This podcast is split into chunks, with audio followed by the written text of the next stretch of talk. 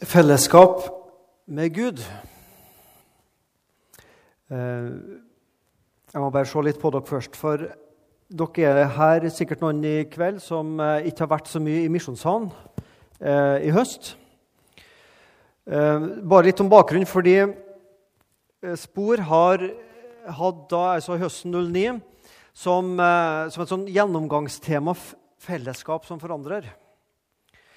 Og det, det, gikk på det at um, Viktigheten av å være med og delta i et kristent fellesskap.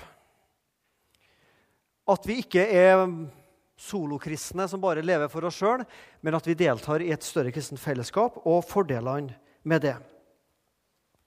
Det er det vi kaller et sånn horisontalt fellesskap, altså på det mellommenneskelige plan. Du og meg og vi to og fellesskapet. Og så har vi tenkt at eller, et sånt fellesskap er jo avgjørende før døden. Det er viktig å ha et sånt kristent fellesskap her i livet. Og Så tenkte vi videre at uh, nå i vår så ville vi sette mer fokus på fellesskapet mellom meg og Gud. Altså det, nei, det vertikale fellesskapet. Gud og menneske. Det Fellesskapet er avgjørende her i livet, før døden, og det er helt avgjørende for livet etter døden. Her ser du Jesus og så noen moderne mennesker. De lever sitt eget liv, har en, på en måte en vegg mellom seg og Jesus. Og så er det om å få hull på denne muren, slik at mennesker kan komme til Jesus, eller skal vi rettere si at Jesus kan få komme inn i menneskers hverdag i 2010. Jeg syns det er et flott bilde som sier noe hva Jesus vil. Han vil komme forbi menneskelige murer og inn til det moderne mennesket. Ja, bare ta med den først. Vi hadde en flott dag her i Misjonssalen. Hadde en lang dag. Vi hadde formaksmøte, og noen vil dere dra helt til venstre kjennelse på Solfrid og Anders Helle, som er fast i spor. De hadde barnedåp nå på formiddagsmøte. Så her ser dere dem. Leander helt til venstre og Marius som ble døpt. Og tre av fadderne. Kjempeflott. Tilbake til temaet, så har vi tenkt det at i vår så skal et, eh, denne setningen følge oss. Han skal vokse, og jeg skal avta. Johannes 3,30 så møter du denne setningen 'Han skal vokse, og jeg skal avta'. Han som sa denne setningen, det var ikke apostelen Johannes, men døperen Johannes. Han hadde stått i stor tjeneste, og så hadde mange disipler. Og Så begynte disiplene å legge merke til at um, Johannes har et problem. For, fordi at um, nå har du fått, fått en konkurrent. Han der Jesus fra Nasaret. Um,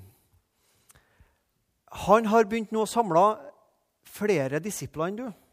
Og noen av dine disipler begynner på en måte å gå over fra deg over til Jesus.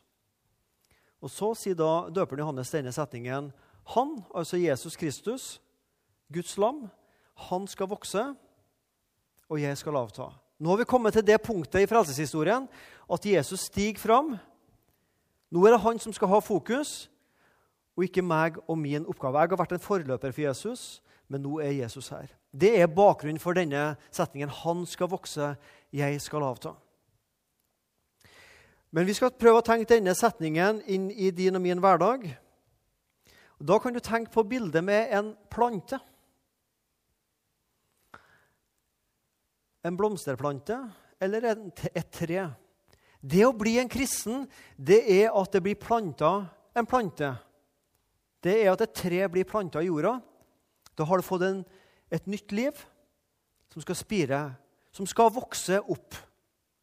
Han, Kristuslivet i meg, det nye livet, skal vokse, og jeg skal avta.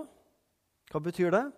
Jo, det betyr at mine egne drømmer, mine egne lyster, mine egne ønsker, planer, det skal avta, og så skal Jesus vokse. Det ønsker vi å se mer av i Spor, i Misjonssalen, i Kristen-Norge det året her. Skal vi be om det? kjære Jesus, om vi kunne få oppleve mer at du vokser blant oss, at flere kommer til tro på deg, og at du blir større i livet vårt, vi som kaller oss med ditt navn, kaller oss kristne. At du skal vokse, og at vi skal få bygge dette fellesskapet med deg, Gud. Sterkt og godt. Amen. Nå er det spormøte i kveld. Eh, neste søndag er det noe som heter fokusmøte. Det er litt mer for hele forsamlinga, så spor folk også velkommen der. Og så blir det spormøte igjen om to uker. Så skal jeg ta det i kveld, og så skal jeg ta det på spormøte om to uker. Og Jeg har lyst disse to søndagene å rett og slett snakke om eh, det grunnleggende, altså fellesskap med Gud. Hvorfor bør du og jeg gå inn i et fellesskap med Gud, og hvordan får vi det fellesskapet? Så I kveld så kommer det til å handle om hvordan, hvordan blir vi kristne. Hvordan får vi fellesskap med Gud, og hvorfor skal vi i alle dager ha et fellesskap med Gud? Og Så skal jeg om to uker snakke litt om hva kan ødelegge et sånt fellesskap med Gud. Jeg skal snakke om synd. Hva gjør vi med synda? Og så skal jeg snakke om hva som bygger fellesskapet med Gud. Hva er nåde for noe? Og så har jeg lyst til å si også litt om 14 dager om noe vi kaller frelsesvisshet. Hvordan kan jeg vite at jeg er en kristen? Når jeg tviler og syns det er vanskelig å tro på Jesus, hvordan kan jeg vite at jeg virkelig er en kristen? Frelsesvisshet. Så, sånn sett så henger disse to møtene sammen. Alle møtene henger sammen, men de to talene henger sammen i dag. Hvordan og hvorfor skal vi ha fellesskap med Gud? Og om to uker hva kan ødelegge det fellesskapet, og hvordan bygger vi fellesskapet med Gud? Han skal vokse, Jesus skal vokse. Mine egne ønsker, drømmer, lyster ambisjoner skal avta, og så skal Kristuslivet vokse i deg og meg. Hvorfor fellesskap med Gud? Hoppa litt tilbake. Du får, har kanskje fått det spørsmålet, eller prøv å sette deg inn i situasjonen at du får dette spørsmålet. Du er kristen, og så er det noen som ikke bekjenner seg som kristne, som spør deg Hvorfor bør jeg bli en kristen? Hva vil du svare da? Kanskje har du fått det spørsmålet, og du syns det var veldig utfordrende. Du kan iallfall forberede deg og tenke gjennom den spørsmålsstillinga. Hva vil du svare hvis noen spør deg hvorfor bør jeg bli en kristen? Det har vært veldig kjekt om vi hadde hatt god tid og så har vi liksom spurt hverandre og diskutert litt frem og tilbake. Hva mener du, og hva ville du ha svart, og hva vil være gode svar? Kanskje noen vil svare sånn Du må bli kristen, da, da blir du lykkelig, da blir du glad. Du må bli kristen, for da får du det godt. Du må bli kristen, for da får du mening med livet ditt. Du må bli en kristen, for da får du et godt fellesskap med andre troende. I spor eller en annen plass. Bli lykkelig og glad. Du får det godt. Du får mening med livet ditt. Du får fellesskap. Bør et menneske bli kristen av det? Jeg tror mye av det følger med med det å bli en kristen. Det tror jeg definitivt. Bare, problemet er bare det at dette er menneskelige fordelsargumenter her på jorda. Vi prøver kanskje å lokke andre mennesker til å bli kristne, men sier at hvis du blir kristen, så får du det du får det liksom så godt og trygt og flott her på jorda. Det er bare det at det ikke alltid er sant. Vi er i Norge. Ja, det var jo dumt sagt, det vet du. det trengte jeg å fortelle, men Vi så jo nettopp denne videosnutten om forfulgte kristne. Hva ville du ha sagt til en muslim i et muslimsk land som kommer og vil bli en kristen? Bli kristen, så får du det godt. Han får det definitivt ikke godt hvis han blir en kristen. Han vil få skikkelig trøbbel og vanskeligheter hvis han blir en kristen. Et godt fellesskap? Ja, forhåpentligvis. Men han vil sannelig møte på store problemer med å bli en kristen. Så det er heller ikke alltid det at det blir så godt hvis man blir en kristen. Og så er det det også at mange mennesker, de fleste menneskene i Norge som ikke bryr seg døyten om Gud, de er glad, de er lykkelige, og de er fornøyd uten et liv i Gud. Vi kan gå rundt og tenke liksom at ikke-kristne mennesker nei, de har det vondt og vanskelig og liksom sliter i livet. Jeg tror de fleste ikke-kristne menneskene har det greit og godt, er lykkelig, glad og fornøyd uten Jesus Kristus. Så hvis vi legger oss på en argumentasjonslinje at med sånn mellommenneskelig godhet, eller ikke mellommenneskelig godhet, men mellommenneskelig fordelsargumenter her i tida for å bli en kristen, så bommer vi.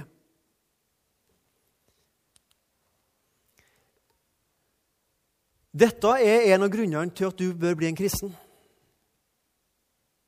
Paulus skriver til efeserne om vår situasjon. Dere var en gang døde på grunn av deres misgjerninger og synder. Dere levde på den nåværende verdens vis og lot dere lede av herskeren i luftens rike, den ånd som nå er virksom i de ulydige. Ja, vi levde en gang alle som de, altså som de ikke-kristne. Vi fulgte lystne i vår syndige natur og lot oss lede av våre egne tanker. Døde på grunn av deres misgjerninger og synder. Slik var vi av naturen Guds barn, liksom de andre.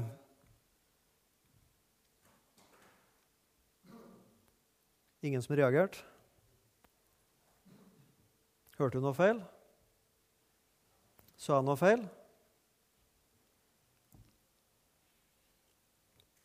Slik var vi av naturen vredens barn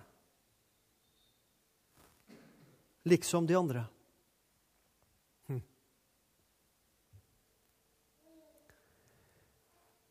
Vi er fortapt. Vi snakker om muligheten å gå fortapt. Hvis jeg dør uten trua på Jesus, så kan jeg gå fortapt. Vårt problem er at vi er fortapt i oss sjøl. Av naturen er vi under Guds frede vi er vredens barn, sier Paulus. Snedig uttrykk. Det hadde vært mye kjekkere om det sto av naturen er vi gode, snille mennesker som er på godfot med Gud. Står det ikke? Vredens barn. Snedig. En vanlig tanke er følgende tanken Når jeg har synda ei stund, lenge nok og mye nok, så går jeg fra å være Guds venn til å bli en synder. Hvis jeg bare synder lenge nok og, og mye nok, så blir jeg en synder. Det er ikke bibelsk. Vårt problem det er at vi starter på minussida av naturen vredens barn. Vi blir ikke syndere fordi vi synder, men vi synder fordi vi er syndere. Tok du den? Jeg tar den en gang til, for den er god. Det er ikke jeg som har funnet på den. Vi blir ikke syndere fordi vi synder, men vi synder fordi vi er syndere. Det er ikke sånn at vi starter liksom på nøytralt, og så jo mer jeg synder, jo mer synder blir jeg. Men fordi jeg er en synder, så synder jeg. Vi er fortapt. Derfor trenger jeg fellesskap med Gud. For så høyt har Gud elsket verden. Du kan den, ikke sant? at han ga sin sønn den enbårne, for at hver den som tror på ham, ikke skal gå fortapt, men ha evig liv. Nei, Gud sender ingen i fortapelse, er det mange som sier. Gud er kjærlighet. Bare les den lille Bibelen om Gud er kjærlighet. Ja, Men i den lille Bibelen så står det om muligheten til å gå fortapt.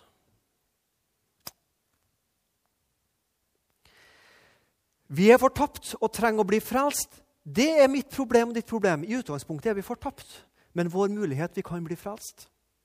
Og det blir vi i fellesskap med Gud. Så du og jeg trenger fellesskap med Gud fordi vi er fortapt. Og så trenger du og jeg fellesskap med Gud fordi Gud er skaperen som kjenner sin egen skapning best. Her er en mikrofon. Jeg kan ikke så mye om mikrofonen. Jeg vet Det blir lyd hvis du snakker inn i den og du har en forsterker og en høyttaler. Men hvis den har gått synd, så har det ikke vært mye hjelp i at jeg har begynt å skru på den for å få den til å virke. Da har jeg sendt den inn til en tekniker som gjerne har laga en mikrofon som kan med den. Det er den som har laga mikrofonen, som vet best hvordan den fungerer. Det er den som har laga deg og meg, som vet best hvordan du og jeg fungerer. Oppfinneren vet best hvordan oppfinnelsen fungerer og virker. Det skapte finner mening i tilværelsen, ikke når det skjer inn i seg sjøl, men når vi leser bruksanvisninga av Bibelen. Og Når jeg begynner å bla i Bibelen, så ser jeg at jeg har en som har laga meg, som vet best hvordan mitt liv vil være. Og han sier det vil være best for meg og det vil være best for deg at vi har fellesskap med han. Å få fellesskap med Gud det er det samme som kom tilbake til Han som laga meg og vet best hvordan livet mitt skal være. Det mener jeg er de to beste grunnene for å bli en kristen. Hvorfor du må få fellesskap med Gud. Fordi jeg og du i oss sjøl er fortapte og kommer til å gå fortapt en dag hvis vi ikke får fellesskap med Gud. Og fordi at Gud er den som kjenner meg best, og når jeg kommer tilbake til Han og lever med Han, så finner jeg virkelig mening med livet mitt. Derfor bør jeg og bør du bli en kristen.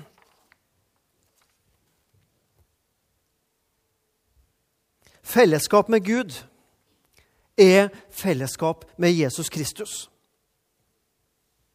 Hva vil det si å være en kristen? Hvem er kristne? Noen vil sikkert si å være kristen det er å tro på Gud. Og det er sant, og det er feil.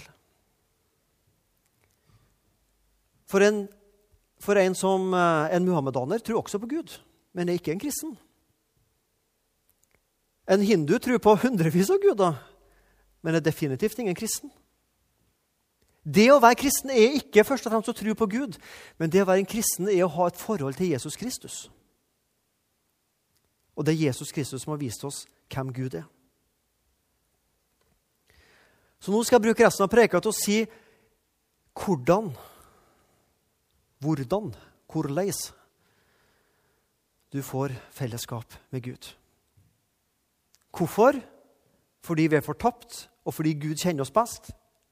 Og nå har jeg lyst til å si litt om hvordan vi får fellesskap med Gud. Jesus svarte, 'Jeg er livets brød. Den som kommer til meg, skal ikke hungre, og den som tror på meg, skal aldri tørste.' Det jeg har satt strek under her, det er poenget at når Jesus skulle ha fram en sannhet, så sa han ofte ting to ganger. Det er slik vi predikantene også av og til gjør det når vi er litt dårlig forberedt. Så sier vi samme tingen to ganger, så går liksom tida. Men det er også et poeng når du sier ting to ganger, så husker folk det bedre. forhåpentligvis. Og her på en måte, De to settingene her, de to begrepene her utfyller hverandre. Det å tro på Jesus, det er å komme til Jesus. Den som kommer til meg, den som tror på meg. Når du tror på Jesus, så kommer du til han. Og det å komme til Jesus er et uttrykk for å tro på Jesus. Så hvordan kommer vi til Jesus? Jo, vi kommer til Jesus, vi tror på Jesus, rett og slett ved å komme til han. Mennesker, kom, mennesker møtte Jesus, og mennesker kom til Jesus av mange ulike årsaker når vi leser i Nytestamentet. Mange var syke og kom for å bli helbreda. Noen var besatte. Noen hadde andre problemer. Noen hadde problemer med synd. Det var veldig ulike grunner at folk kom til Jesus. Det viktigste er ikke hvorfor du og jeg kommer til Jesus, men at vi kommer til Jesus. Det er det avgjørende. Det er mange veier til Jesus, men det er én vei til Gud. Det er bare Jesus som er veien til Gud, men det er mange veier til Jesus Kristus. Jeg har min vei, som jeg kunne ha stått og fortalt om, hvordan jeg ble en kristen. Og vi kunne hatt et vitnemøte og kunne hver enkelt av oss som tror på Jesus, fortalt sånn ble jeg en kristen. Sånn møtte jeg Jesus. Sånn kom jeg til han. Hvordan kan vi komme til Jesus? Så står predikanten og snakker om ja, vi skal komme til Jesus. Ja, men hvordan skal jeg komme til Jesus, da? Den vanligste, i alle fall en veldig fin måte å komme til Jesus på, det er å be til han. Det er konkret. Vi kan be til Jesus. Da kommer vi til Jesus. Fordi å være en kristen, det er å ha personlig kontakt med Jesus. Det er det som frelser oss, å ha et personlig forhold til Jesus. Det er ikke læra i seg sjøl som frelser oss. Det er ikke den måten du og jeg lever på som kristne, som frelser oss. Det er heller ikke den kristne tanken vi har, som frelser oss, og meningene, men det er et personlig forhold til Jesus. Men når du og jeg får et personlig forhold til Jesus, så vil det prege det livet jeg lever, hvordan jeg lever som kristen. Hvordan jeg tenker, hvordan jeg snakker som kristen, hvordan jeg omgås andre mennesker. Å komme til Jesus, det er å be til Jesus. Å få fellesskap med Gud, jo, det er å be om å få fellesskap. Jeg trenger deg, Gud. Jeg trenger deg, Jesus. Jeg trenger fellesskap med deg. Da ber du om å bli en kristen. Komme er det samme som tro. Og når vi kommer til Jesus, og når vi skal få fellesskap med Gud, da er det én ting vi virkelig har problem med, og det er synda vår. Sier vi at vi ikke har synd, da bedrar vi oss selv. Jeg kan godt gå til noen av dere så kan jeg si jeg har ikke synda. Jeg vet ikke hvilke tanker du vil gjøre deg om meg. da. Du vil neppe tenke du verden hva heldig misjonssalen er som har en sånn forsamlingsleder som aldri har synda. Sannsynligvis vil du tenke du kjenner ikke deg sjøl godt nok, for du har synda. Og så står du og lyver meg i ansiktet, og så skal du i tillegg få kollekten min for å, eh, for å være i den forsamlinga her i tillegg. Nei, det går ikke jeg med på. Da går jeg en annen plass. Nei, hvis vi sier at vi ikke har synd, da bedrar vi oss sjøl, og sannheten er ikke i oss. Men dersom vi bekjenner våre synder, er Han, Gud, Jesus, trofast og rettferdig, så han tilgir oss alle syndene og renser oss fra all urett. Jeg sa det litt tidligere at Den viktigste grunnen til at vi må få fellesskap med Gud, det er at vi i utgangspunktet er fortapt. Og Det som gjør at du og jeg er fortapt, det er synda vår. Det er den som stenger for fellesskap med Gud. Og synda, den skal vi bekjenne. Bekjenne, det betyr å si det samme som. Vi bruker gjerne begrepet 'bekjenne' iallfall på to måter. Jeg bekjenner meg som en kristen, og jeg bekjenner synd. Da sier jeg det samme når jeg bekjenner meg som en kristen. Da sier jeg det samme om meg som jeg tror Gud sier om meg når jeg er Jesus Kristus. Jeg bekjenner at jeg tilhører Jesus. Og jeg bekjenner synd. Da sier jeg det samme om synda som Gud sier om synda. Da sier ikke jeg det var bare et lite feilgrep. Det var bare en sånn eh, liten morsomhet og ikke noe mer. Men da sier jeg, OK, Gud, du sier at dette er synd, og jeg sier at det er synd. Da bekjenner jeg synda. Jeg bagatelliserer ikke synder, for vi mennesker kan bagatellisere synder. Vi kan unnskylde oss, vi kan finne formidlende omstendigheter, vi kan bortforklare. Det beste vi kan gjøre med synder, det er å bekjenne den. Og så har jeg lyst til å si noe veldig viktig. Jeg håper alt det jeg sier, er viktig, men det som kommer nå, husker, håper jeg virkelig du husker. Bekjent synd er ikke problem for Gud. Oppgjort synd skal ikke ta fra deg nattesøvn og frelsesvissheten at du er en kristen. Bekjent synd er tilgitt synd, oppgjort synd er ferdig. Uoppgjort synd, det drar deg bort fra Jesus. Det er farlig. Den må du gjøre noe med.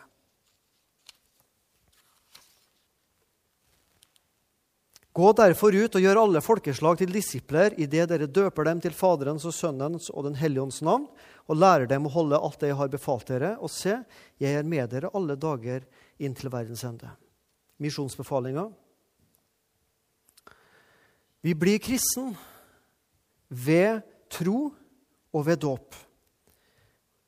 Og Her i misjonsbefalinga, som vi også kaller dåpsbefalinga, så er det snakk om å døpe dem til den tredje Gud og lære å holde. Her ser vi at tro og dåp henger sammen. Et annet ord for å bli kristen det er å bli gjenfødt og bli født på ny.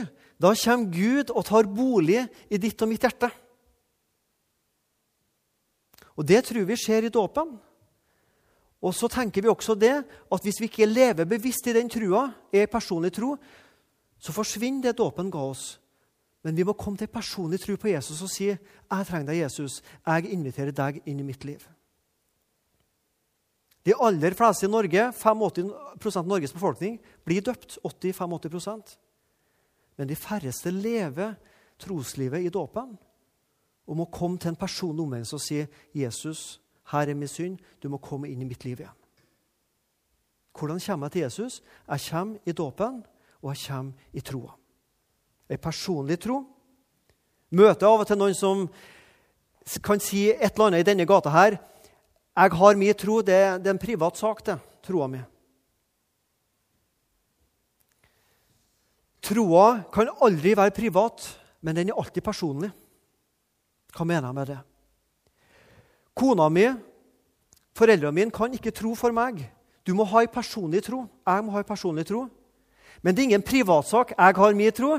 Den har du ingenting med. Den gjør jeg akkurat som jeg vil med. Ei tro er alltid offentlig. Du kan ikke skjule ei kristen tro. Da setter du lyset under skjeppa, som Jesus advarer mot. Tro er alltid personlig, men aldri privat.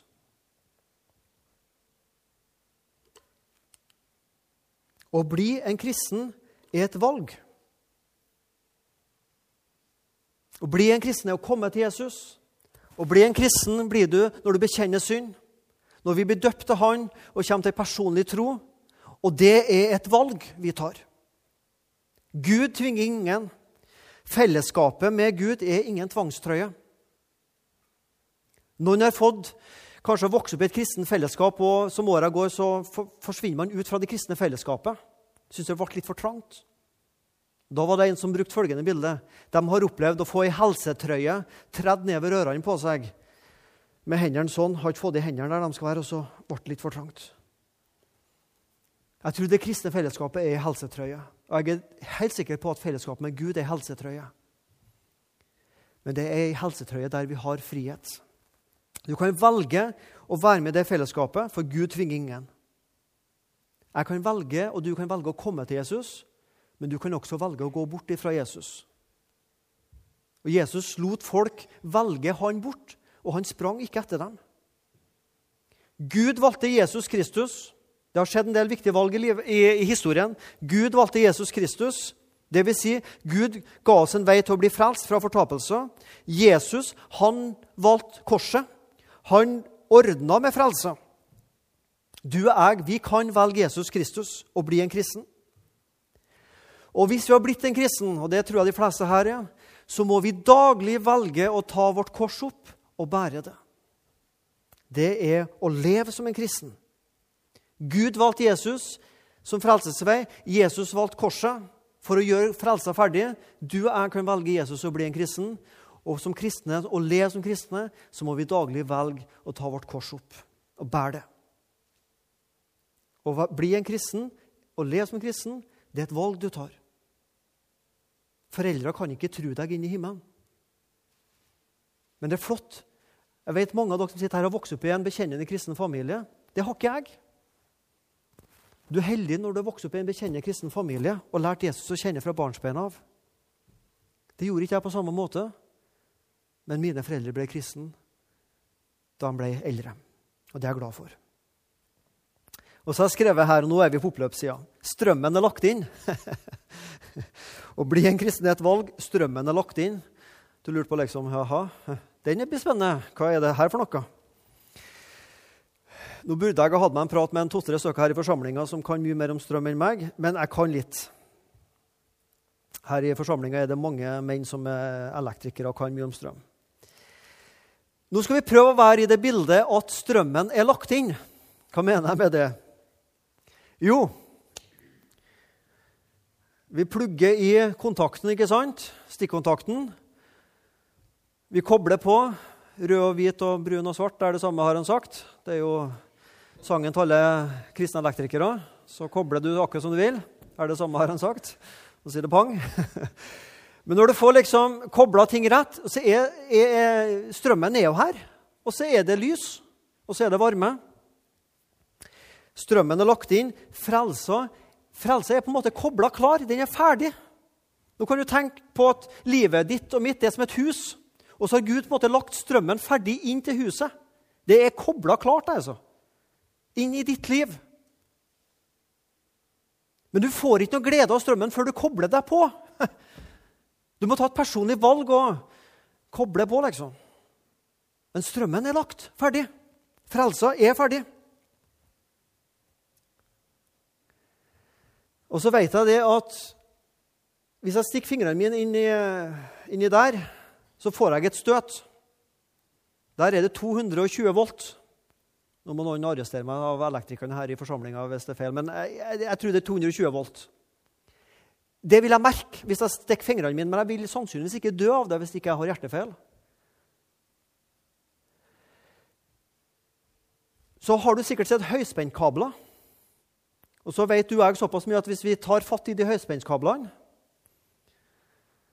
da gnistrer det litt. Og det er ikke så mye liv etterpå, kan du si, for å si det på en forsiktig måte. Men det er den samme strømmen i høyspentkablene og som kommer ut der. Det er bare at den er transformert. Ingen sterke protester fra elektrikerne. Jeg tror jeg fortsatt er, er ikke veldig langt ut på glattisen. Strømmen er transformert fra å være dødelig til å bli å leve med. Så kan vi tenke på Gud som en høyspentlinje. Det er farlig å falle i Guds armer. Moses fikk se Gud bakfra. Ingen har sett Gud forfra, for den som ser Gud forfra, han vil dø. Men Jesus er et bilde av Gud, og Jesus kan vi leve med. Han har gjort strømmen håndterlig, sånn at vi kan leve med den. Men Jesus er ikke ufarlig. Du vil merke også den strømmen. Men han har kobla det til ditt og mitt liv, ditt og mitt hus. Og Nå er det ditt valg om du vil koble deg på den strømmen og ta den i bruk. Det er farlig å leke med strømmen, og det er farlig å leke med Jesus og Gud. Men det er lagt klart. Alt er ferdig. Og du blir en kristen ved å ta et valg. Her vil jeg koble meg på det som allerede er lagt ferdig. Jeg vil frivillig jeg velger å gå til Jesus, jeg vil komme til Jesus. Og jeg vil komme til Jesus med synda mi og bekjenne det som synd. Og så vil jeg ta imot Jesus. Og så lever jeg da i det jeg er døpt i, eller hvis du ikke er døpt, så blir du døpt. Og så har du blitt en kristen. Hvorfor skal du og jeg få fellesskap med Gud? Fordi hvis vi ikke får det, så går vi fortapt. Men hvis jeg får det, så blir jeg frelst. Og jeg får det i Jesus Kristus. Og han har lagt alt klart. Nå skal vi synge litt sammen. Og etter hvert nå så blir det mulighet til å komme bak og få en samtale og bli bedt for. Så har du kanskje noen synder som trenger å bekjennes. Noe som har på en måte kommet som en knute på tråden mellom deg og Jesus i løpet av det siste, som du trenger å få rydda opp. Så kan det være godt å få sagt det til noen, og få bedt over det og få det vekk. Du trenger å ta et oppgjør i livet med noe som du vet er feil, og komme til Jesus med det. Kanskje du kjenner ikke Jesus i hele tatt. Så er kanskje akkurat i kveld kvelden for å få et møte med han og koble deg på strømmen og virkelig få det livet som du er skapt for å få. Kjære Jesus. Takk for at vi kan forbi kristne. Takk for du har gjort det mulig. Og Jesus, hjelp oss å komme til deg med det som stenger. Og takk for du tar det vekk. Og takk for du har gjort det mulig for oss å få fellesskap med Gud. Amen.